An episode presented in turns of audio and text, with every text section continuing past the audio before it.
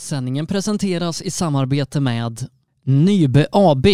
Med bas i Småland är vi verksamma i södra Sverige med byggentreprenad för såväl stora som små projekt, för industrier, större fastigheter och villor.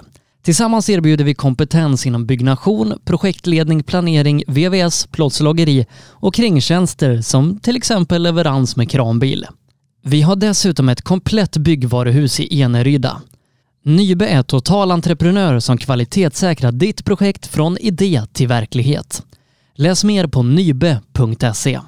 Sedan starten 2005 har Ramudden haft som fokus att skapa säkra vägarbetsplatser. Vi fortsätter nu det här arbetet med att skapa säkra byggarbetsplatser för att öka säkerheten för byggarbetare och för de som rör sig där kring. Ramudden Workzone Safety. AM Elteknik erbjuder tjänster inom el och kommunikation för företag och privatpersoner. PP Engineering. Vi säljer och levererar däck och fälgar från Yokohama Motorsport och Speedline. Vi är specialiserade på tävlingsdäck för rally och racingverksamhet, men erbjuder även fälgar för lastbilar och däck till din historiska personbil.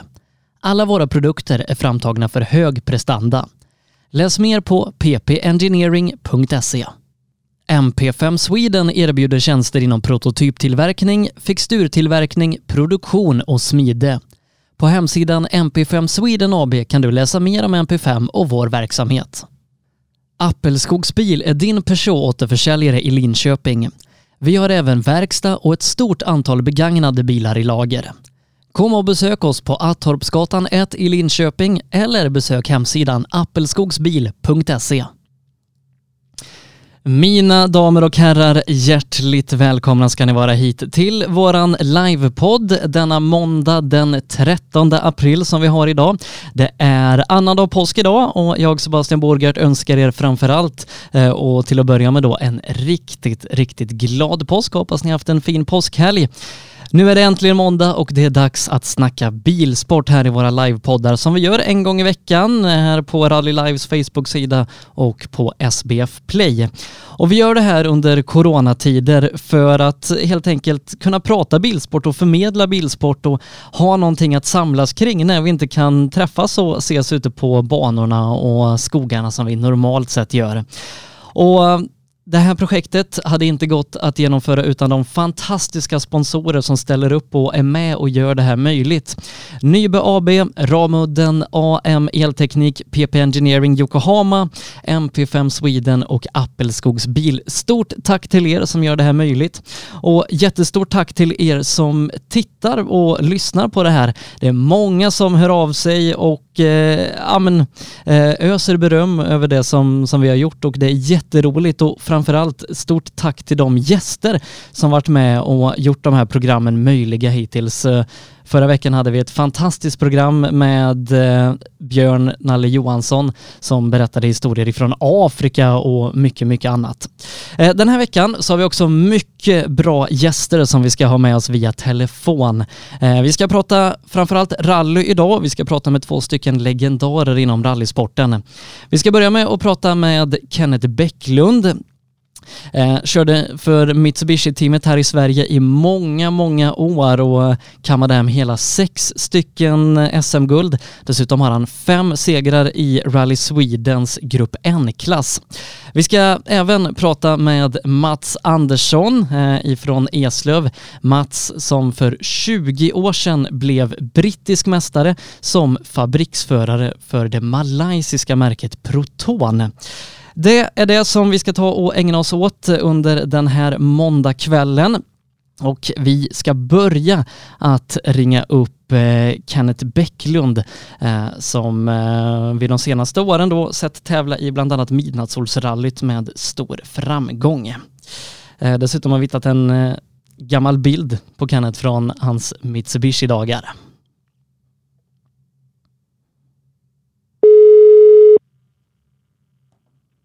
Ja, Kenneth. Hallå Kenneth, det var Sebastian här, rallyradion. Ha, hallå, hallå. Du, hur är läget? Det är fint, du. Solen skiner och mår gott. Vad hittar du på så här under påsktider? Ja, det har varit rätt så lugnt. Det har varit lite trädgårdsarbete och ut och fart lite med husbil här. Så annars har det varit lugnt. Eh, du, jag, jag, får läsa lite innantill här när jag, när jag ska summera din karriär. Sexfaldig svensk eh, mästare, fem gånger segrare i Svenska rallyts Grupp N-klass, flera gånger nordisk mästare och 44 delsegrar i rally-SMs tävlingar. Du har hunnit med en del eh, under karriären. Ja, det är klart. Vi började 82 och var 12 år för Mitsubishi och körde det. Så det är klart att det har blivit lite resultat genom åren. Eh, till att börja med, hur, hur blev det rallyskogen för din del? Jag tror nog att det började egentligen... Vi hade ett torp där mina två äldre bröder hade bilar och körde med. Och sen eh, började jag egentligen när jag var 12 år och köra bil och hade nog fem bilar innan jag hade, hade körkort eller var lagligt att köra. Så att det var nog så det började egentligen. Eh, vi ska ju prata ganska mycket om Mitsubishi-tiden tänker jag. Eh, mm. Hur hamnade du eh, i Mitsubishi-teamet? Liksom, vad, vad gjorde du de åren innan? Ja, egentligen, vi började 82 med en TV, där och lite Oplar. 84, 85, 86 där vann den här B och C-förarcupen, Opel-cupen som det hette då på den tiden. Jack Blomqvist ansvarade för den. Och sen hade vi en eh, Ja, vi behövde sponsorer på den tiden som det var allting och då hade vi en som hette Leif Gärdingen i motorklubben som hade en massa N när det var helt nytt där 87. Som föreslog att jag skulle köpa den bilen och så skulle han hjälpa till ett år med sponsorer. Och eh, det rullade ju på där i, i, faktiskt i flera år så att säga och eh, 92 då var ju inte massan konkurrenskraftig längre utan då var vi ute och for runt importörer här i Sverige och pratade om lite sponsring och grejer och byta bilmärke där och då hamnade vi på eh, Mitsubishi, eller 91 rättare sagt, hamnade vi på Mitsubishi då. Så vi köpte en privat där och eh, fick väl egentligen genombrottet eh, Sydsvenska 91 där när vi slog eh, Sören Nilsson som var fabriksförare för dem och Stig-Olof då. Så vi hade ju en otrolig fight där sista dagen där ihop med Mats Karlsson också. Jag tror vi fyra var inom tio sekunder hela den dagen där och sen hade jag tur den tävlingen och dra det längsta strået där. Och sen till 92 då skulle de ha en tredje bil in i, i Mitsubishi Rally av Sverige. Och då stod det valet lite mellan mig och Gullabo på den tiden då.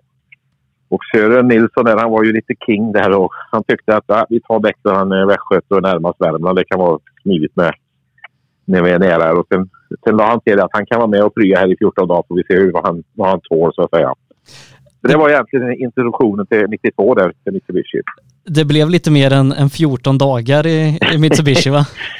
ja, det var ju så. Sören slutade ju efter det så då, då var det jag, Stig-Olof, som härjade där i, i ja, var det 12 år jag var med där. Ja. Så, eh, men du hann ju med väldigt mycket eh, under de här åren i, i Mitsubishi då, vi, vi ska komma till det. Men, men hur var det liksom att, att komma in i, i det här teamet? Ja, men det är trevligt. Det var ju helt nya förutsättningar till det positiva naturligtvis. Det med just med materialet och säga med reservdelar fanns ju egentligen obegränsat hur mycket vi... Ja, vi, det var egentligen bara att se till att ni vinner. Får, ni får inte bryta för att det går sönder material. Det var egentligen våra, våra krav vi hade så att säga. Så att det, men visst, det kändes lite press där. Första året så, Svenska rallyt så Eh, bröt vi för växellådan gick sönder för oss och eh, vi hade en reserv så att säga men vi, vi väntade en dag för, för länge innan vi skulle byta. Vi fick inte ha hur många lådor som helst heller så att säga för regelverket där. Men det, det, ja, det var lite surt det första året där men sen 93 sen, då började vi släppa loss riktigt. Eh, vi vet ju liksom hur det funkar nu för tiden. Eh, oavsett nästan vilken nivå man ska in på i ett team så måste man ju komma med, med ganska mycket pengar själv, eh, även på, på högsta VM-nivå. Hur var det liksom när du kom in i, i Mitsubishi där i, i början av 90-talet? Behövde du ta med dig egna grejer eller blev du fabriksförare så att säga? Ja, jag hade ju... Det började med att jag blev uppkallad till Mitsubishi och det var Jan Reander var vd på den tiden där. Och jag hade väl med lite kravlista där när jag kom in till Jan Reander. Där och det är säkert många som vet hur Jan Reander var när han förhandlade. Så det var, den första frågan var egentligen bara att vill du köra för oss? Ja, men jag tänkte vi skulle gå igenom lite grejer. Ja, jag frågar igen. Vill du köra för oss? Ja, det vill jag. Bra, då är det klart, sa han bara. Så det var, det var inte, vi fick ha egna sponsorer naturligtvis också att jaga, men det var in, inte så stora krav på oss att säga. Det var det inte. Eh, men var du liksom avlönad förare då? Det var vi inte. Det, utan vi, det var ju vanligt fick ta ledigt från jobbet så att säga och sen hade vi allting gratis utöver det sen då. Eh, men eh, början där av 90-talet, du, du kommer in i, i det här teamet. Åkte ni galanter då eller hade man börjat köra Evon då? Nej, vi, vi började med den galanten där. Det var sen till 93 var det väl jag som så fick jag den första Lancer modell 1 här. En högerstyrd bil som vi var tvungna att bygga om väldigt mycket jobb då. Eh, för själva torpedväggen var för högerstyrt. Man fick dela hela bilen i fronten så att säga för att byta torpedvägg till vänster där. Och, eh, men vi hade en väldigt, eh, vad ska jag säga, det var pressat tidsschema. Sen var det till Nordvärmland då det var första tävlingen som vi skulle åka den här. Och eh, lyckades precis få ihop bilen till tävlingen så att säga och, och vann första gruppen. N-tävlingen med, med Laser modell 1. Då. Så det var ju lite succé när den kom. Eh, 93 då eh, blev du ju svensk mm. mästare och, och det mm. började bra som du säger. Va, vad minns du mer ifrån året 93? Ja, vad minns jag mer därifrån? jag vet i alla fall när vi vann det här Nordvärmland då hade vi Galanten kvar och vi hann precis vara kvar på prisutdelningen där och sen drog vi rakt hem och drog till Belgien till eh, Yperrally tror jag vi åkte där nere. Fast med Galanten gjorde vi då. Och eh, det är lite roligt med kartläsare Tord Andersson som åkte med mig i många år där. Eh, vi var ju något som kallas för Fia B-sida då. Och eh, fick ju alltså inte byta växellådor och sånt under dagen utan bara på kvällsetappen. Och det börjar inte bättre utan på första sträckan där så kör vi punktering i fram och eh, slår sönder hela spindelhuset och drivaxeln, så slår sönder växellådan.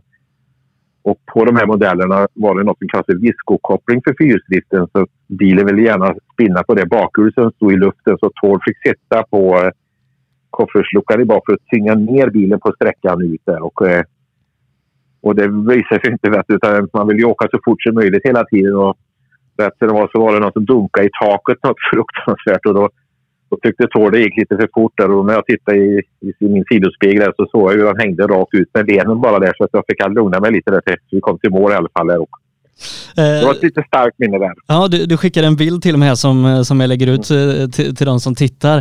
Eh, men som sagt, eh, svensk mästare 1993, hur var det liksom att få bli det för första gången? Ja, men det är väl alltid så eh, första tävlingen så att säga som du blir någon mästare och även när vi vann Svenska rallyt där första gången. Det är, ju, det är ju ett starkt minne naturligtvis för hela teamet, inte bara för, för de som sitter i bilen. För alla strävar ju naturligtvis för att, att vinna alltihopa. Så det, det kändes det härligt. Det gjorde det. Eh, och i Svenska rallyt har du ju haft väldigt mycket framgångar i, eh, liksom körde ni Svenska rallyt eh, för att visa upp Mitsubishin i, i det sammanhanget eller var liksom tanken att ni skulle åka mer internationell serie eller hur, hur var upplägget kring det? Nej, det var väl egentligen att det ingick i SM oftast på den tiden. Eh, sen var ju det svenska lite annat upplägg på hela vad ska säga, med träning och allting för det var ju rätt så mycket fri träning i början så man kunde åka och då hade vi alltid som mål att man skulle åka sträckorna minst tio gånger jag till Stig-Olof där. Så att det, det finns många sträckor man har i, i ryggmärgen så att säga även idag. Eh, men vad, vad är det som, som har klaffat så bra för dig gällande Svenska rallyt med, med fem segrar då i Grupp N-klassen? Ja, det är väl egentligen eh, alla förberedelser och hela team, ett starkt team helt enkelt där som, eh, som har varit med och jobbat upp och ja, klarat av att serva bilen när det behövs och allting. Alltså det, sen är, det, är man väl kallat för lite egoistisk eller enveten liksom och vill eh, göra sitt yttersta hela tiden. Sen är det ju en gnutta tur också naturligtvis man måste ha. Så att det... Eh, men om man ser till Svenska rallyt då och tävla med, med Stig-Olof i samma team som är i, från Neiden där, hur, hur var det att möta honom på hemmaplan? Ja, men det är, det är klart att det sporrar en att en, en ville slå Stig-Olof där uppe naturligtvis. Och vi hade ju alltid den eh, klassiska soptunnelsträckan där som att det, det var alltid ett... Det, den skulle man vinna. Det fick gå hur det ville på de andra sträckorna. Men just soptunnan den vill man vinna över Stig-Olof. För jag vet att han testade sin bil mycket där i de markerna runt omkring där. Så att, eh, eh, och jag har ett starkt minne där i alla fall. Eh, han brukar vara före mig på sträckan naturligtvis. Då, men jag har ett starkt minne där när vi åkte Galanterna och han körde sönder sin växellåda precis, precis innan vi ska åka den här sträckan. Så treans växel har han inte utan han får åka ja, ettan, tvåan, fyran då istället. Så då, då kände jag där i magen att nu är det chansen att kunna ta Stig-Olof på den här sträckan. Men jädrar, han åkte så satans fort så han var en sekund före oss lik förbaskat i mål där. Så det, det kändes lite surt då, men det, det är en rolig sträcka naturligtvis att, att tävla mot, mot han också. Eh, och eh, det blev ju många år tillsammans med Stig-Olof där i, i Mitsubishi-teamet. Mm. hur var er relation? Nej, men den var bra och vi är jättebra kompisar även idag. Så att säga. Det, är ju, det är ju lite så med rally, liksom, att man, man är kompisar i depån och hjälper varandra. Och sen på sträckorna då, då är det upp till vem som är snabbast. Och, så, och det är inget, sitter inget agg, inte från min sida i alla fall, mot någon. Utan man är väldigt goda kompisar liksom, i och med att man gör upp för sig själv på sträckorna helt enkelt. Eh, men ni två körde ju det här teamet då och var, var ofta i topp. Eh, ni måste ha haft väldigt många bataljer, liksom fighter ute i, i skogarna. Ja, jag har alltid haft det. Det var väl egentligen 90, 93, 94, 95 där när både Toyota och Nissan och Subaru var med och krigade. Då var det ju, tycker jag, kanske de, bland de roligaste åren i Grupp M då för att det var, det var fruktansvärt hårt liksom hela tiden där. Att du vann inte ja, två sträckor i rad utan det var hela tiden någon, någon, någon annan så att säga, som vann där. Så att du fick verkligen stå upp och köra bil helt enkelt. Och vi hade väl egentligen bara från, från Per Lidström där som var teamchef för oss då att ni ska vinna, sen får ni göra upp det bäst ni vill emellan er så att säga. Så att det, det, nej, men det har varit många roliga år. Hetsade ni varandra av vägen någon gång? Ja, alltså vi har väl hetsat, hetsat varandra naturligtvis. Men eh, peppar, peppar, vi har inte varit av vägen så mycket. Det var, det var egentligen första året där när Stig-Olof byggde en helt ny bil där eh, på svenska som han eh, totalskrotade den med en gång där så att säga. Men annars tror jag inte vi har förbrukat så mycket material för dem. Eh, men eh, ni måste kört då över de här åren väldigt många eh, av de här Mitsubishi Evo-bilarna. Ni, ni måste bytt bilar ganska ofta ändå va? Ja, jag var med från ja, Evo 1 upp till Evo 7 då.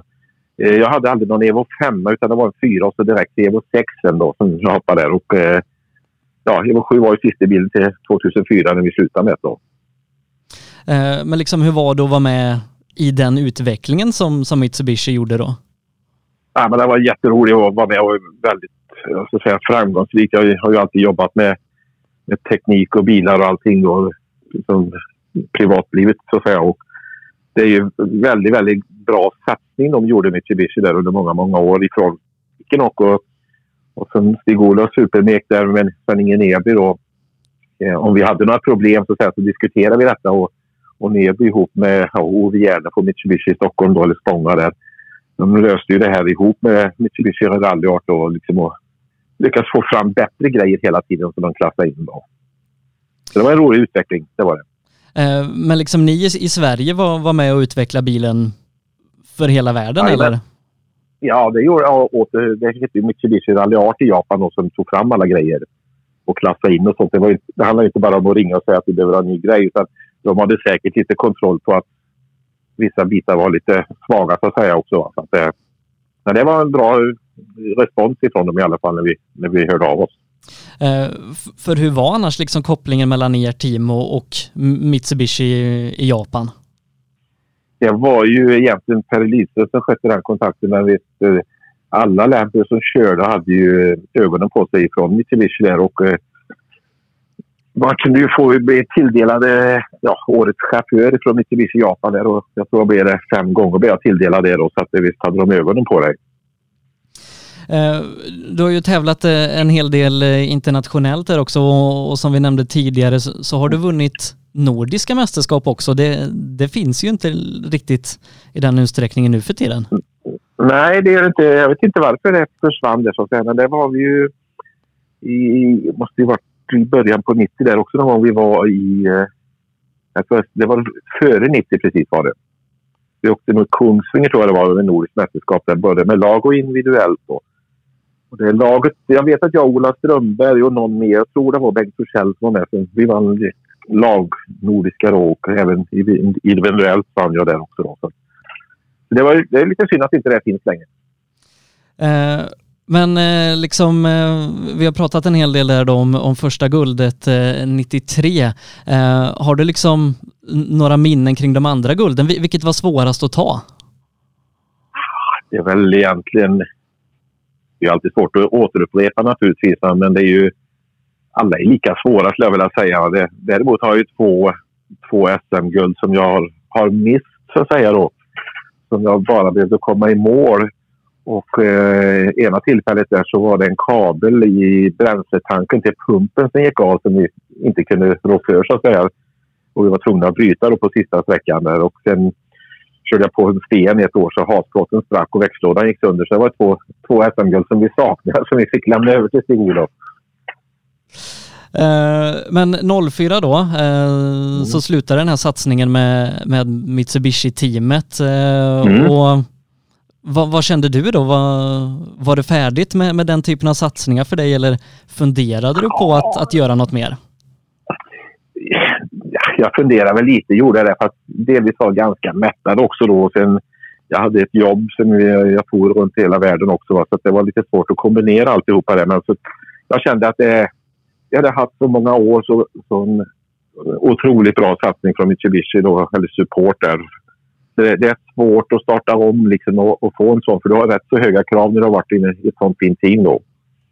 Så det var lite hjälmen på hyllan då, ja. Eh, men det blev ju mestadels då eh, Grupp N-bilar. Eh, hur liksom upplevde du dem att köra? Ganska standardbetonade som de ändå är. Ja, fast jag får nog säga ifrån, från första året när vi började åka Mazda Grupp N där, då fick du egentligen bara okej, okay, byta säkerhetsutrustning då och stötdämpare och sånt. Men du fick bara byta avgasröret till lite grövre då. Och så det, var, det var verkligen grupp M om man säger så. Sen har ju de klasserna utvecklats, eller regelverket har utvecklats. De, har ju, de är ju rätt avancerade bilarna, så att säga, var de de sista åren för att vara grupp M-bilar. Eh, när jag liksom förberedde mig lite här och, och, försökte googla upp lite grejer eh, från din karriär så, så hittade jag någon Aftonbladet-artikel eh, om när du satt och åt och, och, nästan blev bestulen på en bil. Ja, nu kommer jag inte ihåg vad det kan vara. nej, det ringer ingen klocka. Nej. Nej, nej då, då lämnar vi det. Det, det kanske var en sån där klassisk Aftonbladet-vinkla någonting. Nej, men det, det enda vi vet, vi höll på att bli, bli stulna på rallybilen när vi hade åkt eh, Network Q-rallyt där i England då, när vi hade en fight eh, inför sista sträckan. Eh, den klassiska där som eh, när Carlos Sainz slänger hjälmen i ja. bakrutan på Toyotan. Där hade vi, var vi tre stycken som gjorde upp för den eh, sekundstrid och eh, två kilometer före eh, målet där så small en, eh, en axel av i växellådan så vi fick bryta.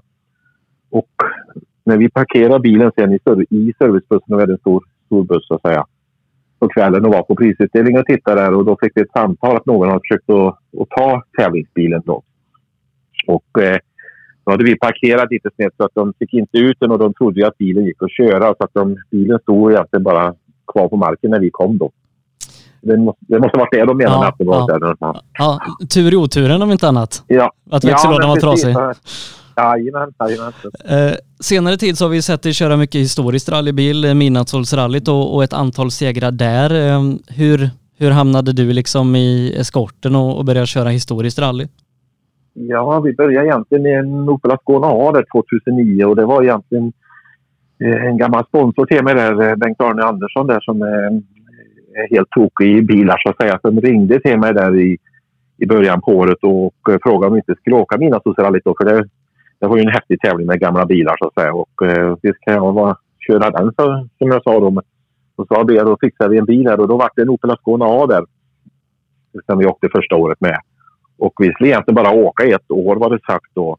Eh, och eh, vi var ju med faktiskt i toppen med en gång där och eh, jag och Stig Blomqvist krigade in till mål gjorde vi där och vi var, jag tror vi var en tio sekunder efter Stig i mål där. Och när Stig, Stig åkte en Ford och en MK2 där och när han kör upp på målrampen där och så är vi i bilen bakom, då säger han det är till mig en sån där ska vi ha nästa år. Och så drog vi igång och så att säga då fick en Ford då, som de byggde om i England till, till en, ja, till en vinnarbil helt enkelt. Som är min, min favoritbil också. Den, det är en riktigt klassisk rallybil där. Eh, men det har ju blivit eh, ganska många år och, ganska många segrar eh, i Midnattssolsrallyt. Vad, vad är tjusningen och skärmen för dig att, att åka den tävlingen? Den är ju... Alltså det är lite brum i bilarna som jag brukar säga. Jag tycker ju det, det är ju häftigt ljud liksom och det, Eh, som jag sa, med Forden är en, en favoritbil sen, sen Valdegård och Stig och, och de åkte den här bilen. Va? Så det, är, det är jättehäftigt att kunna få uppleva att köra en sån bil igen. Liksom det, det, och det är bilar som går otroligt fint alltså för att vara så gamla som de är. Eh, vad är, liksom, vad, är, vad är nyckeln till att bli framgångsrik i Midnattssolsrallyt? Ja, nu, de sista åren har det väl kommit lite mer bilmärken så att säga där, som är konkurrenskraftiga mot Forden. Och, eh, men det är egentligen, det gäller att vara, alltså ha ordning på materialet. Och de där bilarna går ju inte att utnyttja maximalt från start för de håller inte i tre dagar. Liksom. Det, är, det är svårt att hitta det materialet till dem. Utan jag får ha eh, nu får ligga och lura i vatten lite och låta några av de här som drar iväg med en gång låta göra så. och bara vara kall och vänta ut dem så att säga. Och sen när man har åkt en och en halv dag då får man börja tänka sig för liksom hur man ska attackera alltihopa. Det är min medicin i alla fall. Eh, vissa segrar har ju kommit kanske lite enklare än andra. När vi förberedde oss, förberedde oss här innan pratade vi om en tävling för mm. bara några år sedan eh, där det skilde 0,9 sekunder mellan dig och Thomas Tillin inför sista sträckan och, och, du gick vinnande ur det här. Berätta liksom lite om, om den upplösningen. Ja, jag kan ta lite, lite tidigare. Så var det Patrik Flodin som ledde egentligen där.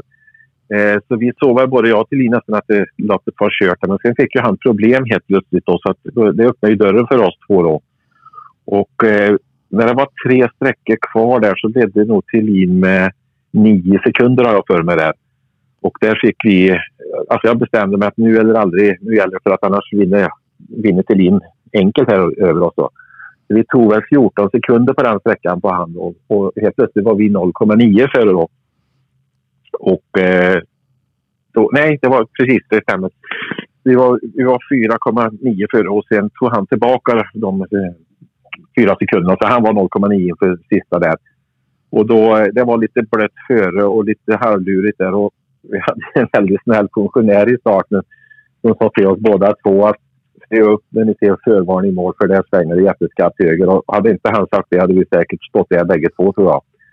Men eh, några kilometer före mål i alla fall så var det ett vägbyte höger som vi kom in för fort. Och eh, jag snurrade men jag behövde inte backa. Men jag såg i vägen att det var en bil som hade fått snurrat och få backat där. Och då tänkte jag, måste det vara Thelin så det inte är föråkaren som har gjort de spåren bara. Och visst, det var Thelin där. Men det var, det var, vi hade en jätterolig tävling fight oss emellan hela tävlingen där. Så sen, drog jag vinstlotten den gången då. Nästa gång är det säkert han som gör det. Eh, du har ju de senaste åren då kört i ena Skåne igen eh, och haft mm. ganska mycket otur. Eh, motor var det väl 2018 i Vimmerby och nu i Örebro så du flyttar väl bakaxeln lite grann va? Om jag minns rätt? ja, det stämmer allt det. det. Eh, som sagt, vi sålde Forden till Sven-Åke Anger efter några år sedan. Ja. Och sen eh, har ja, jag velat behålla, behålla den här Skånen för det är lite färskt, eller roligt minne för han, eh, i och med att det var första tävlingen där med Midnattsrallyt. Och det, visst, den bilen är ju inte konkurrenskraftig på långa håll eh, till att vara med i toppen så att säga. Men vi tänkte vi skulle göra så gott vi kunde där med nybyggd motor och allting då. Och sen var det den klassiska björnjägarsträckan där som jag mer eller mindre alltid har åkt av på när vi åkte SM tidigare också och gör så denna gången också. Att vi sladdade ut över kanten lite i utgången och där högg det i en sten och rätt så kraftigt. Så det vände oss rakt ut i, i bushen så att säga och landa på en stor sten och en stor sten framför. Så där satt vi helt fast. Och det, jag sa bara till Bea vi får tacka för den här resan. För jag trodde det var över där. Men då kom det ett, eh, ett, ett publikgäng där och bara bar upp bilen där. Och så var det en som ropade och sa att det rinner vatten i fram. Så då körde vi fram 50 meter och tänkte det är lika bra att spara grejer och så går ut och tittar och det, vi hittade inget vatten som rann där. Så vi, det var bara att lasta i oss igen och så började vi åka igen. Då, så att, som sagt var, bakaxeln var rejält krök där. Men vi lyckades ta oss till mål i alla fall. Så det var ju skönt i alla fall att komma i mål. Eh, nu blir det ju inget midnattssolsrally i år då eh, på grund av situationen i, i omvärlden. Men, men kan det bli någon liksom rejäl satsning igen på att ta tillbaka trofén? Ja, man vet aldrig. Vi har, det är väl tre stycken som har vunnit två gånger. Alltså det, det är ju, vore ju väldigt lockande att, att vara ensam på tronen och ha vunnit tre gånger i alla fall. Vi får se lite vad som lurar i vattnet. Här. Ja, ja du stänger inga dörrar i alla fall. Det, det, det är bra. Nej, absolut inte. Det, det, jag har en god kärlek för det här att köra rally. Det, det är roligt. Eh, nu har vi pratat mycket om liksom vad du gjort på helgerna i, i rallyskogen, men, men, du har ju kört mycket bil och gör väl fortfarande till vardags? Ja, det gör jag. Det är ju... Jag jobbade ju på Saab i Trollhättan där i 28 år där och eh, vi hade ju ett, ett, team där som vi hette Saab Performance Team där som bildades 87 med bland annat Kjell Olofsson då och Erik Karlsson på taket och lite andra. Simulanten var med där också. Och eh, det var lite succé när de började starta det här och sen skulle det eh, utökas med chaufförer så jag var, var med sedan 89 där och till, till Saab stängde dörren så att säga. Som vi har, ja, jag vet inte hur många sådana här bilshower vi har gjort och världen över så att säga. Det otroligt många då, rätt så häftig show så att säga. Och när Saab sen kursade 2011 där våren efter där sen då var det en, en tjej från Hongkong som ringde till mig. Vi var mycket i Asien och körde bilshow då och frågade om vi höll på med den här bilshowen och det gjorde vi med vårt nya bolag vi hade startat då. Så det var bara att dra till Peking där och så signade vi ett treårsavtal med Bike Motors där och körde bilshower i tre år för dem där i Kina då. Eh, och, och, när du säger bilshow, då kör ni bland annat på mm. två hjul? Ja, vi gör egentligen det mesta du kan tänka dig att göra med en bil och det, det, alltihopa med den här bilshowen går ut på att vi använder standardbilar förutom den här bilen vi kör på två hjul med. Då. Det, vi kör egentligen två stycken. Jag och Kjell Olofsson kör på två hjul och gör en massa omkörningar och grejer på två hjul. Så att det, den är lite preppad den bilen då naturligtvis i differentialen. Då, så eh, hur lär man sig köra på två hjul? För att det inte bara liksom att du plockar upp den på två hjul och trillar ner igen. Du, du kan ju köra och göra grejer på två hjul. Hur, hur lär man sig ja, det? Vi, kör ju faktiskt rätt så häftiga grejer på två hjul. Eh, kör ju även eh, idag åker cabriolet på is på två hjul så det, det är lite svårt att säga. Men eh, vi började alltihopa då eh, alltså 89 då skulle Saab göra en reklamfilm där det var fem fordon som skulle köra på två hjul.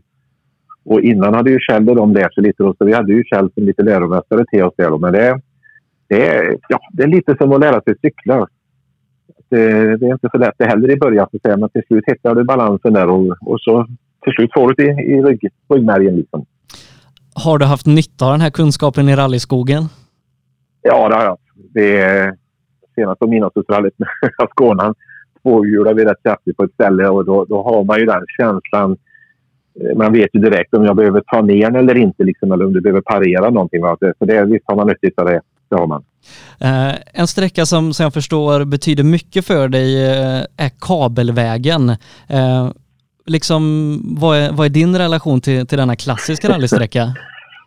ja, men det är väl... Eh, vi hade ju vårt sommarstuga vid torpet bredvid kabelvägen och sen bodde min farfar på slutändan på kabelvägen, Norra Björkel. då. Så att den, den vägen har vi väl åkt mycket och det har ju varit en klassisk rallyväg där man har varit ute och tjuvtränat på lördagskvällar och sånt där. Och sen har ju eh, FN Trollhättan haft den i sin tävling under många, många år och det har blivit en klassisk sträcka det där. Och det, det är en sån där sträcka du alltid vill sätta bättre tider på hela tiden när du kör så här. För den, den har inbjuder till allting där inne.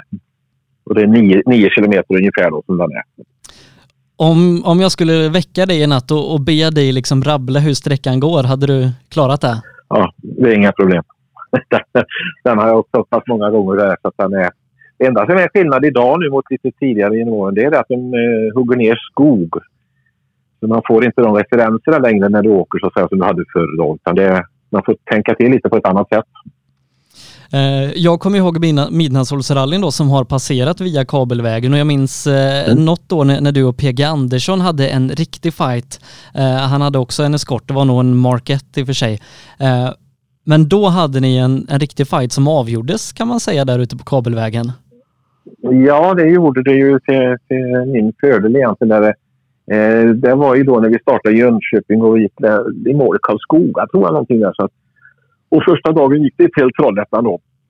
Och eh, TG visste att han ville göra allt vad han kunde på kabelvägen för att inte jag skulle få ett försprång. För han visste att jag kunde den vägen väldigt bra. Och när vi står eh, ja, tekon och ska klocka in där och så står ute och pratar med PG där så säger ju eh, Bea som åker med mig i kartläsare då att eh, bara så du vet PG, här inne får Kenneth tusen kronor per sekund som han är snabbare än dig. Och då tände PG till där och sa att då ska han inte bli rik. Då. Och eh, det finns ju ett par luriga ställen där inne och eh, tyvärr när vi kommer där i bilen bakom PG där, då skulle han ju ta i så mycket han orkar och där blev han stående och slå runt faktiskt där. Så det var lite synd tycker jag för det vi hade haft en otroligt fin fight garanterat dagen efter också där, i och med att vi körde upp mot hans marker. Då. Ja, det är så. I sporten ja. är små marginaler. Nu har ju på senare tid då Jerker Axelsson tagit ett av dina rekord där på sträckan. Vad, är du sugen på att plocka tillbaka det? Ja, fast det är för alla som inte känner till så, så, så står faktiskt mitt rekord kvar där. För att Jerker har åt andra hållet har han 5.10 och jag har 5.13. Så det, det, det, jag, vet, jag vet inte vad jag har för rekord det hållet som Jerker har kört riktigt. För, för det här andra hållet är min favoritsträckning så att säga. Då, så att det, Men du kan den åt så, båda hållen? Ja, då, det kan jag. Det kan jag. Eh, du Kenneth, du ska ha jättestort tack för att eh, vi fick prata med dig eh, den här måndagen och så hoppas mm. vi att vi, vi syns i en rallyskog så snart den här coronaskiten är över. Det gör vi säkert. Du, ha det så bra. Tack så mycket. Jajamän. Tack så mycket. Själv. Hej då. Som sagt, eh, där hörde vi Kenneth Bäcklund, eh, sexfaldig svensk mästare, eh, femfaldig vinnare av Svenska rallyt och tvåfaldig vinnare av Midnattssolsrallyt bland annat, som fick summera lite av sin karriär. Vi ska om en stund prata med ytterligare en riktigt snabb chaufför. För 20 år sedan, då blev han brittisk rallymästare för Proton. Vi ska alldeles strax prata med Mats Andersson. Sändningen presenteras i samarbete med Nybe AB. Med bas i Småland är vi verksamma i södra Sverige med byggentreprenad för såväl stora som små projekt, för industrier, större fastigheter och villor. Tillsammans erbjuder vi kompetens inom byggnation, projektledning, planering, VVS, plåtslageri och kringtjänster som till exempel leverans med kranbil. Vi har dessutom ett komplett byggvaruhus i Eneryda. Nybe är totalentreprenör som kvalitetssäkrar ditt projekt från idé till verklighet. Läs mer på nybe.se. Sedan starten 2005 har Ramudden haft som fokus att skapa säkra vägarbetsplatser. Vi fortsätter nu det här arbetet med att skapa säkra byggarbetsplatser för att öka säkerheten för byggarbetare och för de som rör sig där kring. Ramudden Workzone Safety AM Elteknik erbjuder tjänster inom el och kommunikation för företag och privatpersoner. PP Engineering. Vi säljer och levererar däck och fälgar från Yokohama Motorsport och Speedline. Vi är specialiserade på tävlingsdäck för rally och racingverksamhet, men erbjuder även fälgar för lastbilar och däck till din historiska personbil. Alla våra produkter är framtagna för hög prestanda. Läs mer på ppengineering.se. MP5 Sweden erbjuder tjänster inom prototyptillverkning, fixturtillverkning, produktion och smide. På hemsidan MP5 Sweden AB kan du läsa mer om MP5 och vår verksamhet. Appelskogsbil är din Peugeot-återförsäljare i Linköping. Vi har även verkstad och ett stort antal begagnade bilar i lager. Kom och besök oss på Attorpsgatan 1 i Linköping eller besök hemsidan appelskogsbil.se. Ja, mina damer och herrar, vi ska ta och fortsätta programmet. Eh, vi ska vidare den här kvällen prata med Mats Andersson. För 20 år sedan då blev han brittisk mästare och har efter det tagit nio raka DM-guld i eh, RS Sprint. Eh, vi ska se om vi har med oss Mats här på telefon.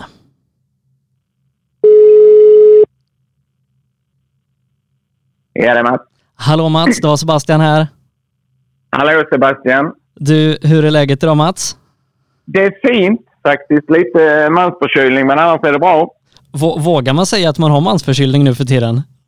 Nej, egentligen inte, men eh, vi säger det är pollen istället. Ja, vi, vi, vi, säger att det är pollen. Eh, ja, du, för 20 år sedan, vad gjorde du då? Eh, då lyckades vi med bedriften att bli engelska mästare i Super 1600-klassen. Eh, och liksom till att börja med, eh, hur hamnade en kille från Eslöv i ett fabriksteam i England? Ja, det är ju, det är ju en rätt så lång historia och lite konstig historia. Eh, framförallt så började det med, vi hamnade där av otur. Om man nu kan säga så, för eh, jag hade landat ett eh, JSM-brons och sen skulle vi köra SM 97. Och eh, jag tror det var Sandviken som var första deltävlingen då och eh, vi hade vår nybyggda Corsa B. Och eh, mellan två, eh, två sträckor på transporten så var det en fjäder som håller växelföraren till de här kulorna till växelföraren. Den hoppade av och helt plötsligt så gled den i två växlar samtidigt så växellådan rasade. Uh, och vi hade lite, uh, ja, budgeten var ansträngd och en av SM-deltävlingarna var Svenska rallyt så det var inte eh, ens tanke på att köra det. Så så vi åkte hem. Eh, vi plockade isär växellådan och så skulle jag ringa till England till Hockey Motorsport där jag hade köpt alla delarna Eh, och beställa nya grejer. Och, ja, vi pratade lite och vi visste inte riktigt vad vi skulle göra. Så fick eh, en av killarna där jag pratade med fick en idé. Kan ni inte komma hit och köra Rally Away 97 då? Jo, ja. Och jag raggade ihop dem, ställde upp med service och hjälpte till att planera allting. Och, så vi tog oss dit eh, med korsan då och eh, det var väl så det började och vi eh, genomförde den. Det var ett gäng svenskar till. Jag vet bland annat att Jonas Kruse var där och Andreas Eriksson. Eh, men det gick jättebra. Om man gör en lång historia kort så tävlingen gick superbra. Vi vann vår klass och blev åtta totalt och satte eh, några riktigt bra tider. Eh, så det var väl egentligen där det började. Eh, och eh, hur, hur gick liksom kontakten vidare från att du hade vunnit eh, klassen då med korsan i Wales? Eh, det blev ju att eh, tävlingen efter var Pirelli-rallyt i, eh, i engelska mästerskapet och då hade ju Hockey Motorsporten Astra de ville sälja. Då eh, ville de eh, ha en, ett bra resultat på den innan de ville... Eh, så de chansade ju med att vi fick köra den så de ställde upp med bil. Vi betalade själv däck och transportbit och sånt. Och det gick jättebra. Vi ledde klassen efter två dagar. Men tyvärr eh, rasade växellådan så vi blev bara tvåa. Men bilen blev såld och eh, alla var glada och nöjda. Och i samma veva då så visade det sig att Proton skulle börja satsa på motorsport i England. Eh, och kontraktet då för att driva teamet gick då till Hoxie Motorsport Och där blev ju vår kontakt ju att de behövde en förare och eh, de kontaktade oss och om vi var intresserade av att åka eller köra bilen och givetvis eh, var vi det. Det var ju något helt otroligt att få den chansen. Eh, hade du liksom någon koll på märket Proton innan det här? Eh, nej, inte ett dugg faktiskt. Eh, inte det minsta. Och det var ju ett eh, wildcard kan man säga. För att bilen var ju inte utvecklad. Det fanns inga rallygrejer, ingenting till den. Utan de fick börja från scratch. Och Peugeot och Ford och de har ju, hade ju redan sina kitcarbilar. Eh, så detta skulle börja med en Grupp A-variant. Lite tamare än de andra. Men eh, bättre än inget och jag var ju superlycklig att få chansen till detta. Ju. Eh, men liksom hur, hur såg din karriär ut innan det? Var, var det en satsning på att, på att du ville bli fabriksförare eller körde du mer för att det var roligt? Eller liksom vad, vad var dina tankar och ambitioner kring, kring hur du körde rally? Eh, nej, det blev väl egentligen bananskalet. Vi halkade in där och visst, alla drömmer väl om att bli världsmästare då, men eh, till det krävs budget och allt sånt som som det gör idag ju, fast det är helt andra pengar idag. Och vi hade kanske tänkt en SM-medalj. hade varit bra att börja med. Men eh, nu fick vi den chansen och eh, då tog vi den med bägge ja, öppen namn. Eh, men det är ju ett stort steg att gå från att köra lite SM hemma till att köra ett fabriksteam i ett annat land. Liksom hur, hur fick du ihop det rent livspusselmässigt? För att det måste varit mycket resor och så vidare till England. Ja, det kan man säga. För, och det var ju inte lätt heller. Ju. Ehm, jag eh, jobbade som elektriker då och det gör jag än idag. Men arbetsgivaren då, eh, vi var inte helt överens. Så att eh, det slutade med att jag var tvungen och eller tvungen och tvungen, men jag tog beslutet att säga upp mig och starta eget. Eh, jag tog en chans helt enkelt. Jag eh, hade inget att förlora. Jag ville köra, ta den chansen att köra i England. Och för att han blev inte så, eller arbetsgivaren blev inte så imponerad när jag sa att jag kanske skulle spendera totalt tre månader i England på ett år. Med tester, körningar, tävlingar. och, och så vidare. Så att jag fick starta eget och eh, chansa på att det skulle lyckas. Eh, nu kommer vi ju komma dit eh, om en stund då, om det blev så eller inte. Eh, men liksom 98 då, första säsongen med, med Proton, hur mycket var du över i fabrik och så tidigare och titta och testa innan tävlingssäsongen drog igång? Eh, nej, egentligen inte för eh, det blev eh, tajt på allting. Tiden var knapp och eh, vi hade en liten test innan eh, första tävlingen eh, eh Rally Waves då 98 men det var i princip bara en shakedown för att det tog tid att utveckla en ny bil och de eh, var sent på det helt enkelt. Så säsongen eh, började egentligen med tävling. Och tävlingssäsongen 98, eh, hur ser du tillbaka på den? Uh, ja, den vill man egentligen uh, glömma. Om man ska sammanfatta den kort så... Uh, det var ju fem deltävlingar.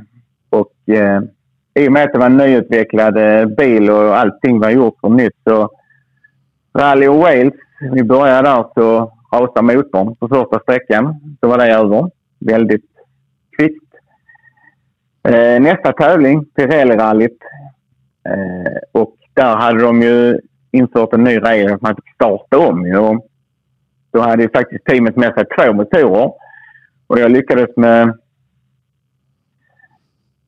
rasade bägge två. Först rasade vi den ena första dagen och sen fick jag ny till andra dagen och rasade den också.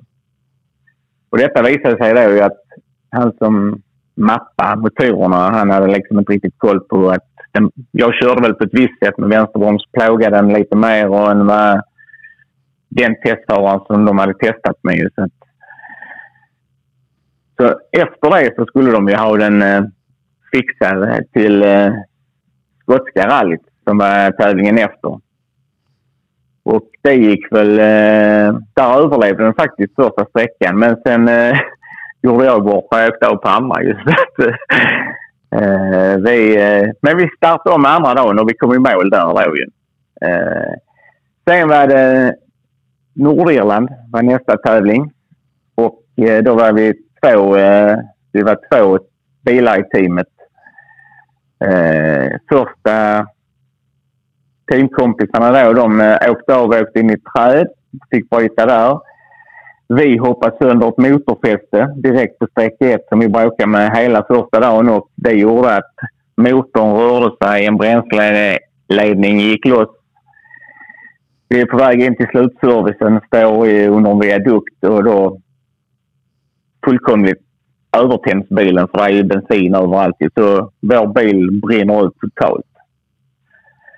Eh, sista tävlingen, Isle of Man. Där rasar växellådorna i bägge bilarna. Väldigt tuff asfalttävling.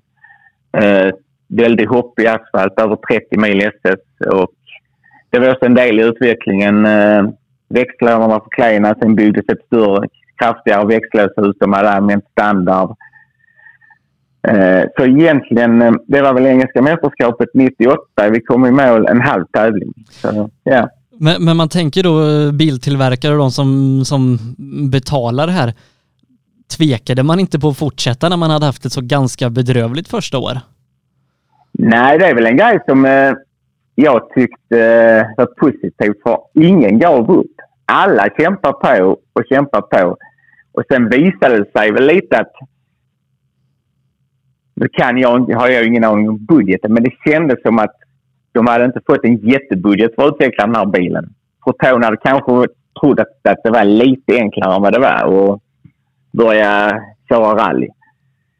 Så, eh, men sen eh, glädjeämnet var väl eh, RC-rallyt 98. Så, så de gav ju inte upp utan de anmälde oss till det. Och, och, och det var VM-tävlingen då? Ja, det var VM-tävlingen. Och det slutade ju faktiskt jättebra. För då blev det äntligen, bilen höll, det blev klassvinst och eh, ja, vi, då var ju teamet på topp igen ju. Och en liten rolig historia i sammanhanget där är ju att eh, vi sa ju att vi var ju en av få gånger så att vi var lite vassare än Tommy Mäkinen. För han körde ju sin eh, Mitsubishi då ju. För vi råkade ut för samma grej. Vi, vi eh, tappade oss ett bakhjul. För alla vet ju att Tommy Mäkinen blev stoppad av polisen och utesluten eh, för han hade slått bort ett hjul. Och samma sak hände oss. Eh, och vi blev också stoppade av polisen. Men eh, polisen pratade lite walesiska och jag drog igång min skånska engelska. Så vi fann varandra rätt bra. Så istället för att han uteslöts så fick vi poliseskort ner till servicen och hon kunde fixa vårt eh, avslagna hjul och vi kunde fortsätta och vinna klassen. Sen att han blev världsmästare och kanske kommit lite längre i rally idag, det är ju en annan historia. Eh, visst är det så. Eh, men med det eh, så måste det ändå varit en skön känsla både för dig och teamet att sen kliva in i en ny säsong då 99. Ja, visst var det det. Det avslutades ju superbra, så vi ser ju fram emot säsongen 99. Eh, liksom hur, hur tedde sig den säsongen? Hade man fått ordning på de tekniska problemen då? Eh, ja, växellådan hade ju fått ny växellådshus. Den var utvecklad så det skulle funka ju. Dock var den fortfarande H-mönster och inte sektionell. Och, eh, de sa ju att eh, motorn var uppgraderad. Eh, det var bättre insug, det var andra kammar. De hade fixat en större fin aluminiumkylare och eh, lite annat lullull. Och framförallt var de väldigt stolta över att de hade fått satt in elrutor från Malaysia. Det var den enda i hela världen de hade gjort. En elframruta då alltså, eller? Ja, precis. Ja.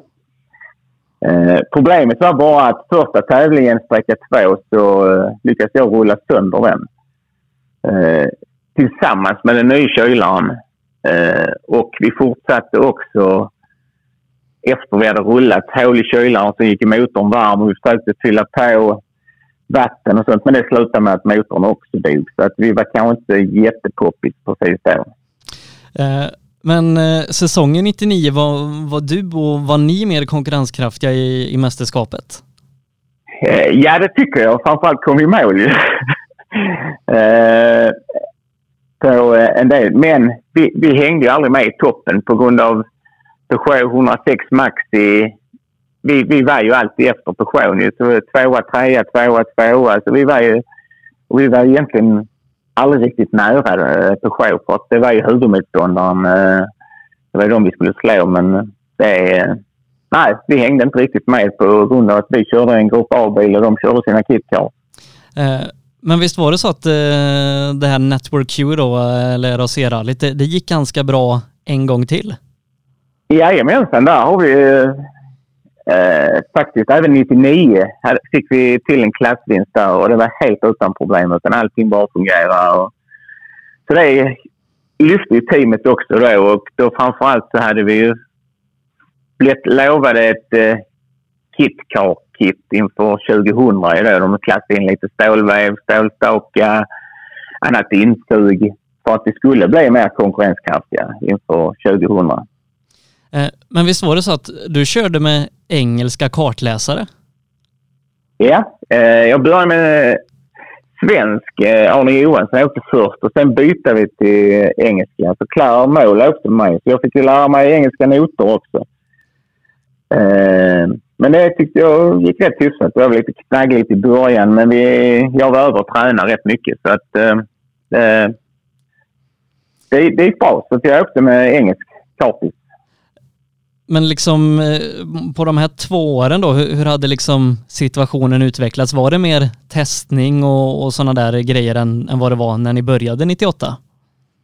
Ja, det var det ju. För att eh, de insåg att man kommer ingenstans om man inte satsar pengar. Ju. Och testerna, jag får ändå säga att de, med tanke på de resurserna vi hade, vi hade alltså fortfarande ett litet team. Vi hade inte Fords resurser, vi har inte Peugeots resurser.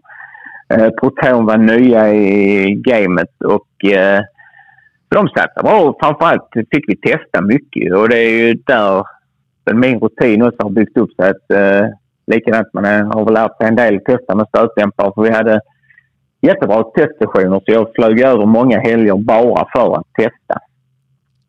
Eh, vi, vi, pratade om det lite innan med, med Kenneth Bäcklund där, men, men, nu för tiden så du måste komma med en pengapåse oavsett nästan vilken nivå man ska köra på eh, internationellt och, och, stora team. hur var det för dig och liksom på den här tiden? Eh, ja, för det första var det ju... Det var ju väldigt nervöst. Eh, för januari 98 på Birmingham-mässan träffades vi på ett hotell för då skulle bilen visas. Vi skulle, vi skulle visas upp som man säger och då skulle det skrivas kontrakt. Och eh, ja, rallyförare från Eslöv som har kört lite i Sverige och kränkt lite RS på parkeringsplatserna. Ja, det var nervöst. Men eh, dealen blev i alla fall följande att de stod ju för bil och däck och allting eh, och boende första året. Eh, jag betalar själv resor, ja alla utgifter utom på tävlingarna i princip. Eh, jag fick själv betala, vi testade inte jättemycket första året och då fick jag stå för de resorna också till testen.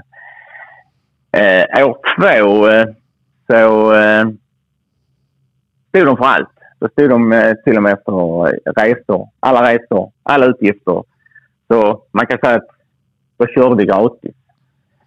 Vilket var superbra ju. Och sen eh, ville det sig inte bättre. Men de två sista åren fick vi till och med betalt för det vi gjorde. Så att, eh, nej, det var toppen. Det kan jag tänka mig. Eh, men du, säsongen 2000 då, vi, vi pratade lite om det innan, uppdaterad bil till, till Kitcar-varianten då. Eh, med eh, ytterligare då en seger i RAC-rallyt, hur, hur var känslan att kliva in i, i 00 och, och den säsongen? Eh, det var jättebra. Eh, det enda som var lite mer press på oss det var ju att dels hade vi testat, eh, bilen fungerar jättebra. Eh, dock visste vi inte hur de skulle stå sig mot Peugeot och Ford. Eh, men de körde bara ett enbilsteam då. Så då, jag fick ju ha allt ansvar om man säger som så. Men eh, känslan var superbra och det kunde egentligen inte börjat bättre. Vi vann första tävlingen i Wales. Så eh, säsongen började jättebra. Eh, hur artade sig säsongen efter den första premiärsegern? Eh, egentligen, eh, jag tror... Ska jag sätta en höjdpunkt på min karriär så tror jag Pirelli-rallyt 2000 är en av de tävlingarna som gick absolut bäst, eller har gått bäst. Jag har väl andra höjdpunkter, men och där eh, bara föll allt på plats. Vi hade tider liksom som var helt otroliga och Peugeot hade inte en chans. Så jag tror vi blev fyra eller femma totalt och vann klassen med över en minut i Peugeot. Så att, eh, då, då var alla glada och nöjda.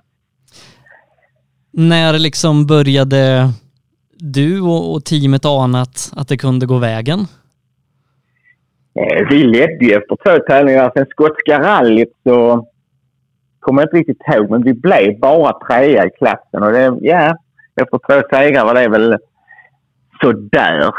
Eh, och sen var det, skulle vi hem och på hemmaplan eh, där Claire bor och köra Jim Clark Memorial. Eh, som är en väldigt... Det är en asfalttävling och framförallt en väldigt häftig tävling. Det går fort på allmänna asfaltvägar och eh, det är en väldigt tuff tävling över tre dagar. Eh, tyvärr gjorde jag bort mig och eh, sprängde en motor. Eh, växelmiss som visade sig vara, skulle kanske kunna bli ödesdiger för mästerskapspoängen. Eh, och det, det, ja, alla var ju deppade och vi drog hem och satt och lyssnade på radion, på rallyt på radion. Och då får man inte kalla det tur, men, men som tur var så bryter på show också. Eh, så att eh, det var väl det som, ja, gick vägen eh, den tävlingen. Sen hade de eh, tävlingen som var efter där var egentligen på Nordirland, Ulster Rally. Och den gick inte 2000 utan istället hade de tryckt in någon i Midlands MSA-rally. Och det var inget som passade mig överhuvudtaget. Eh, varför vet jag inte. Så vi hade väl inget superresultat. Jag tror vi blev fyra kanske. Så allting eh, skulle avgöras på Isle of Man, eh, sista deltävlingen. Och eh, var det bara åka dit, köra hem det eller hur, hur artade sig den här finalen? Eh, nej, så väl var det ju inte faktiskt. Utan, eh, vi hade, jag tror, eh, snillena som höll på med poängen, de räknade ut att vi var tvungna att bli trea. Peugeot kunde vinna och vi ledde ändå. Vi var tvungna att bli trea.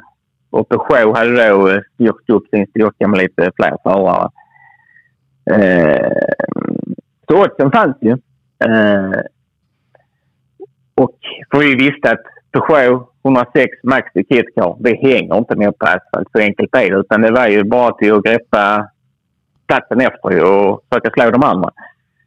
Eh, det var väl lite... Och det, det blev precis så. Och Peugeot kämpade på. De ledde. En Peugeot bryter. Vi håller vår plats. Jag vet inte om det var tre eller fyra som behövdes. Jag kommer inte riktigt ihåg det. Det är ju ett tag sedan.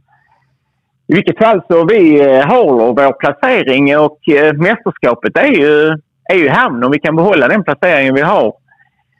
Men som så många gånger förr så bara köra i mål det är inte alltid så lätt. så vad, vad, vad hände? Uh, ja, så jag... Uh, det gör jag än idag. Uh, jag, jag försöker köra på mina slicks så länge det går fastän det blir blött. Uh, och det gör jag än idag som sagt. Och, för jag väntar i det längsta med regndäcken. Uh, och vi hade haft väldiga diskussioner inom teamet uh, om både inställningar, fjädringar, allting alltså under alla åren. Och det är inte alltid en engelsman, e, engelsman tar rakaste vägen mellan punkt A och B. Ibland är de lite komplicerade. Så vi, det var inte alltid vi var överens. Och, men typ, ja, det gällde allt. Inställningar, justeringar, framvagnar, bakvagnar. Och här var vi inte överens heller. Vi växte upp på servicen, vi skulle ut på en loop med sträckor och jag ville gå på slicksen. De sa väl skurna slicks eller lite mer safe. Eh, de får helt rätt och det börjar ösregna på en sträcka och vi kommer med våra eh, slicks. Eh, jag ser det nästan framför mig eh, idag att eh, vi kommer ju ner, typiskt Isle of Man, smal, hoppig asfaltväg. Höga häckar, kommer ner i en skarp vänster. En stor jäkla järngrind rakt fram och det är bara vattenplaner. Har inte en chans. Så jag tänkte, ja, jag får prova i alla fall. Så vi, jag försökte svänga, kör på typ det var en vänster, så vänster grindstolpe tar höger fram på bilen. Vi glider upp på den. Och så, ja, där sitter vi. Och paniken sprider sig något fruktansvärt. Kört bort ett helt mästerskap på ja, dumhet, vill jag kanske inte säga. Men uh, onödig modighet, eller vad man ska kalla det. Mm. Uh, och vi är av där ju och försöker... Det var bara vi på plats. Och plus en till. Och jag, jag kan se denna människan framför mig än idag. Så precis när vi kommer av och vi ska av bilen från den här uh, ja, stenhögen för eh, skyddsplåten har liksom kilat sig fast på grindstolpen. Den gled över den ju, så bilen var tvungen att lyftas av den ju. Och då står, där ute i fältet, där står ägaren till grinden, garanterat. Jag fick aldrig klart för det, men han står där med sin fårkäpp, sin typiska sån rutig keps och bara tittar på mig. Så det, och vi, både Claire och jag, ur bilen så du får hjälpa till. Han säger ingenting utan jag ser i hans ögon vad han tänker. Han tänker bara, är du så jävla dum så du har kört upp där, då kan du ta dig därifrån själv. Så, ja, så, så är det. Och, och han, så han rör inte sig. Jag ser gubbjäveln framför mig än idag. Alltså. Det, eh, I vilket fall så kommer det folk eh, i villan där då, och jag och Claire vi sliter som djur för att få ner bilen. Alltså, vi måste ju bara vidare. Och Claire, hon eh, tar åt sig och puttar. Så hon kör handen genom framlampan och skär upp hela den såklart. Och sen in i bilen, ner i bilen och alla noterna bara fulla av blod och halva... Det, ser, ja. så det blev lite kaos. Men vi kom vidare och det var egentligen ingen skada på bilen mer än att vi fastnade. Och till service så får ny spoiler och lite arga blicken. Eh, men det var inte kört ju, för att vi tappade kanske två placeringar och det var en lång tävling, över 30 mil efter. Så vi lyckades ta tillbaka det här och eh, vinner mästerskapet eh, på det. Eh, så det var rätt så skönt att komma i mål och lösa det. Fast, jag vet liksom inte om man hade mått om man hade gjort bort sig och förlorat ett mästerskap. Och, jag ska inte säga dumhet, men ja. Men liksom, hur, hur kändes det? Klassisk sportfråga, men från att liksom ha halkat in på det här på ett bananskal till att helt plötsligt ha, ha vunnit brittiska mästerskapet med ett fabriksteam? Ja, alltså det, det var ju superhäftigt och speciellt eftersom eh, på hur det hände ju. Att vi hade förlorat en gång och kommit tillbaka och kört in och det är ju det bästa med Ironman att det händer så mycket i en lång tävling så att det, den är en lite uthållighetstävling. Men det var helt magiskt. Man kunde knappt föreställa sig det. Så man blev lite stum och hade svårt att ta in det. Eh, jag vet ju att, att din pappa är ju ett stort rallyfan och kanske din största supporter. Var, var han på plats när du liksom tog eh, det här guldet? Nej, tyvärr var varken han eller morsan där. För de var ju såklart Eh, de var med på många tävlingar, men just Isle of Man, det var en båttur till på flera timmar. Och, nej, så de var inte på plats utan det fick bli telefonvägen och de var givetvis superlyckliga. Så att det var... Ja, det blev fest. Eh, men det blev ett år till i Proton efter eh, det här. Men du var också över i, Malaysia en sväng va? Jajamensan. Vi fick eh, då på hösten så eh, det fick ju Malaysia, eh, de fick en nys om att vi hade, eller visste de ju, att vi vann ju mästerskapet. Eh, och då ville de belöna oss med att bjuda på eh, Rally Malaysia då, en del av Asien Pacific-mästerskapet. Och, eh, så de flög dit eh, bil, team, oss, mig och Claire och eh, vi eh, då för att köra, köra den här tävlingen. Så de stod för allting och då var ju eh, Malaysia Airways en av sponsorerna till oss. Så det blev trevligt. Dock var det inte helt smärtfritt för det, eh, vi, eh, jag hade kört hela, nu tänker jag mer familjemässigt, för vi hade kört hela året. Det var mycket tester. Vi vann mästerskapet alla och det var då framåt hösten. Och flickvännen eh, tryckte ju på att eh, det var kanske dags för en liten semester framåt vinter och höst. Eh, och jag eh, svarade väl lite eh, att hon var helt magisk som hade stått ut som hon gjorde. Så jag sa ja, det har varit mycket nu så att jag måste eh, nog hålla liv i firman lite här nu framåt höst och fram till jul så kan vi se vad som händer om vi, nu spelar vi bandet tillbaka lite. Jag hann vi precis säga det någon dag där. Och sen var jag på jobb någonstans och ringer telefonen från England. Och eh, då är det Martin, hockeysaren. Du, jag har en bil till dig och klar. Eh, Proton vill att vi ska åka Rally Malaysia. Eh, där är, eh, det, så, så är det. Eh, de är sent ute som vanligt. Bilen flygs typ imorgon. Måste ha besked om två timmar. Eh, det är så mycket pengar till dig och Claire om ni kommer typ i lön. Eh, svara typ nu. Och det hade jag ju precis sagt att jag behöver jobba. Eh, så den kvällen eh, blev lite invecklad, men eh, det har vi nog inte tid till idag i detta program. Nej, nej. Eh, men, men, men, det blev en tävling i Malaysia i alla fall och det gick ganska bra ja, resultatmässigt. Ja, det blev det. Det blev jättebra. Vi vann klassen och så blev vi femma totalt. Så att, eh, det var helt, eh, helt magiskt. Eh, en av eh, de större upplevelserna där var att eh, de var inte heller på tån då. De är, de är mycket mer inne på rally idag. De var inte riktigt vana på rally. Och vi åkte till fabriken. Vi fick en helt ny träningsbil. De plockade av bandet. Vi, hade ju, vi behövde service givetvis under träningen och sånt. För vi slet av avgasrör, vi slog hål i det, vi körde punka. Men det fixade de allting. Men en kul grej var att vi skulle skriva autografer på, eh, Protonfabriken och jag och Claire tänkte, ja vad, vad, ska vi göra där liksom? Det är väl ingen som kommer och vill ha våra autografer.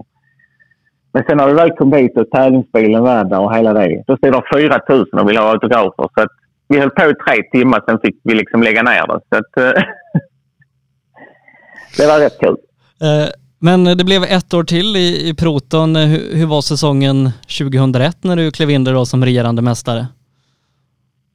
2001 var ju förhoppningarna jättestora eh, och eh, vi ser ju fram på mästerskapet eh, jättemycket. Men tyvärr så blev det ju inget riktigt mästerskap enligt mig på grund av mul, mul och klövsjukan.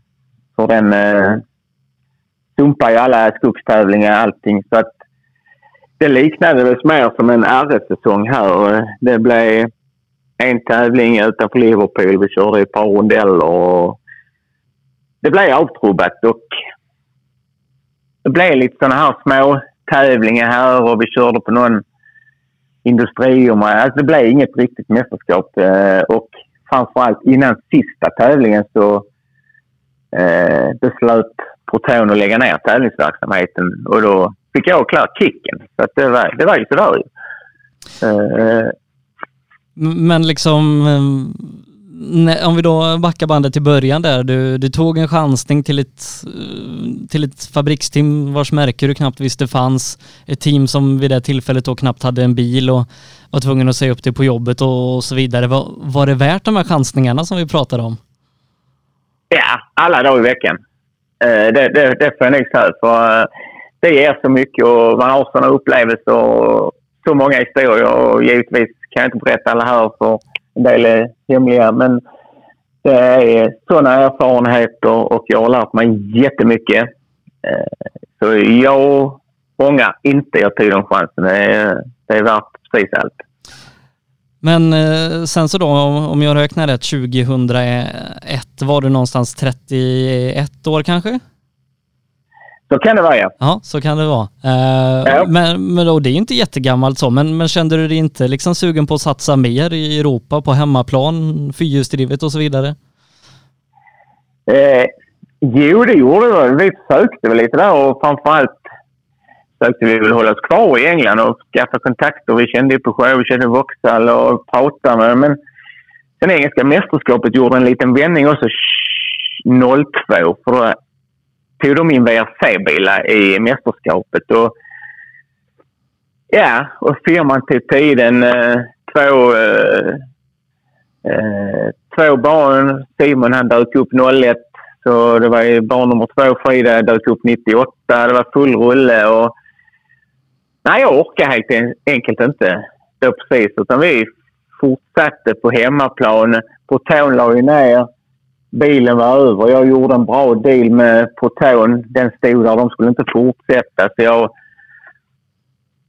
ja, tog väl över bilen, tog hem den och fick eh, massor med delar med. Och sen eh, har den ju varit i Sverige sedan dess, bilen. Eh, och eh, du har ju blivit eh, under karriären då oerhört duktig på att köra asfalt och har nästan till varit oslagbar i, asfalttävlingar här på Sverige. Var liksom, vart byggdes den här kärleken till asfalt och framförallt kunskapen att kunna köra fort på det underlaget som många i Sverige inte riktigt behärskar? Det, ja, men det måste jag ha byggt i England för där var ju... Dels testade vi mycket på asfalt. Två av tävlingarna var asfalttävlingar. Och det var långa tävlingar, typ nästan 30 mil SS. Och eh, tre, fyra år av det, det ger eh, resultat. Och framförallt mycket test på asfalt gjorde vi. Vi hade inte den vassaste bilen på asfalt eh, jämfört med Peugeot och Fordarna. Så därför var vi tvungna att testa extra mycket på asfalt och eh, inställningar och däck, lufttryck, hårdhet, ja allt sånt eh, och krängningshämmare. Vi arbetar väldigt mycket med det just på asfalt. Och det är väl kanske det som gav resultat. För vi har, kör inga asfalttävlingar här. Och när vi kom hem då så, ja, jag körde lite RS och sånt. Och RS-tävlingarna egentligen i Sverige, i alla fall i Skåne, var ju rätt så tama i antal startande. Det var 15-20 stycken. Och och samtidigt då drog jag igång Asfaltkuppen för att få igång det. Jag drog in eh, sponsorer, drog igång eh, kuppen eh, med massor med prispengar och sånt. Så jag tror faktiskt den har gjort ett uppsving till startandet i RS-tävlingarna här i Skåne de sista åren. Och du har ju tagit då en himla massa DM-guld och det blev nästan perfekt. Ja, det blev nästan perfekt och det var väldigt irriterande att det inte blev perfekt. Vi lyckades med bedriften att ta nio DM-guld i rad och det var ju bara det tionde som skulle landas. Men det är det här bara. Och eh, ja, säsongen ser väl ut precis den tionde. Det var liksom, nu skulle det ske. Och tio stycken i rad, det hade varit eh, extremt tillfredsställande kan jag säga.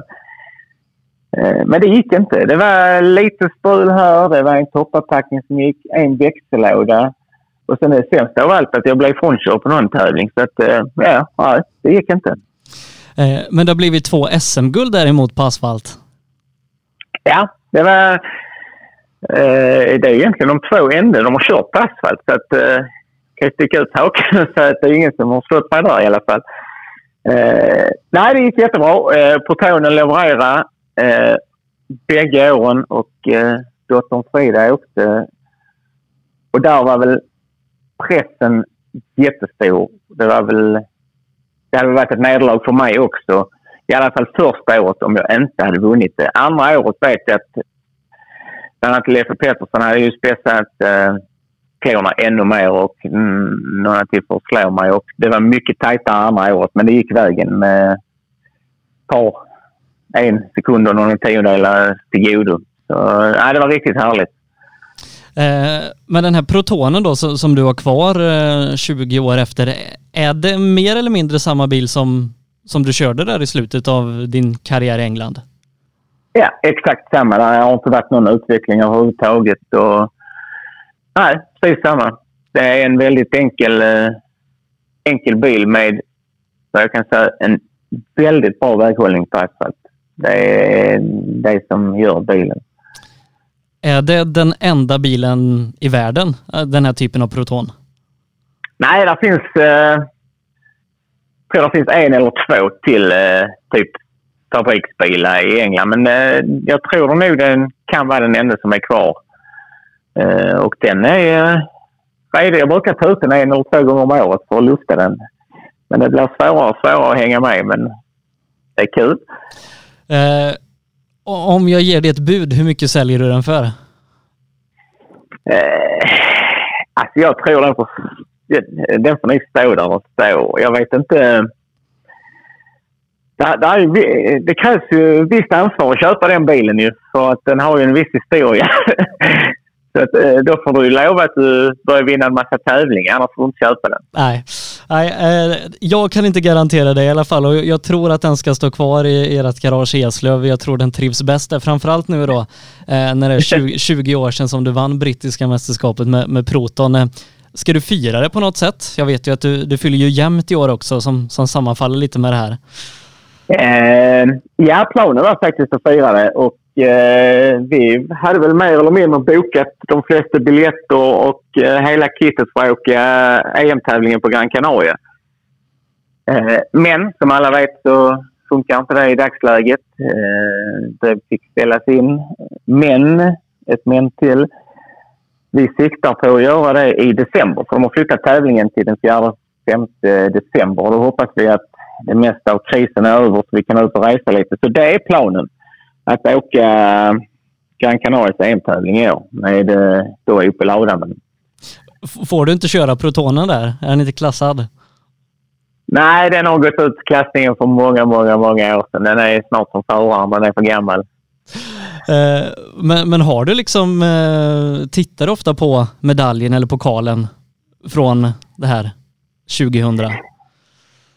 Jag tänker ju tillbaka till den tiden väldigt ofta.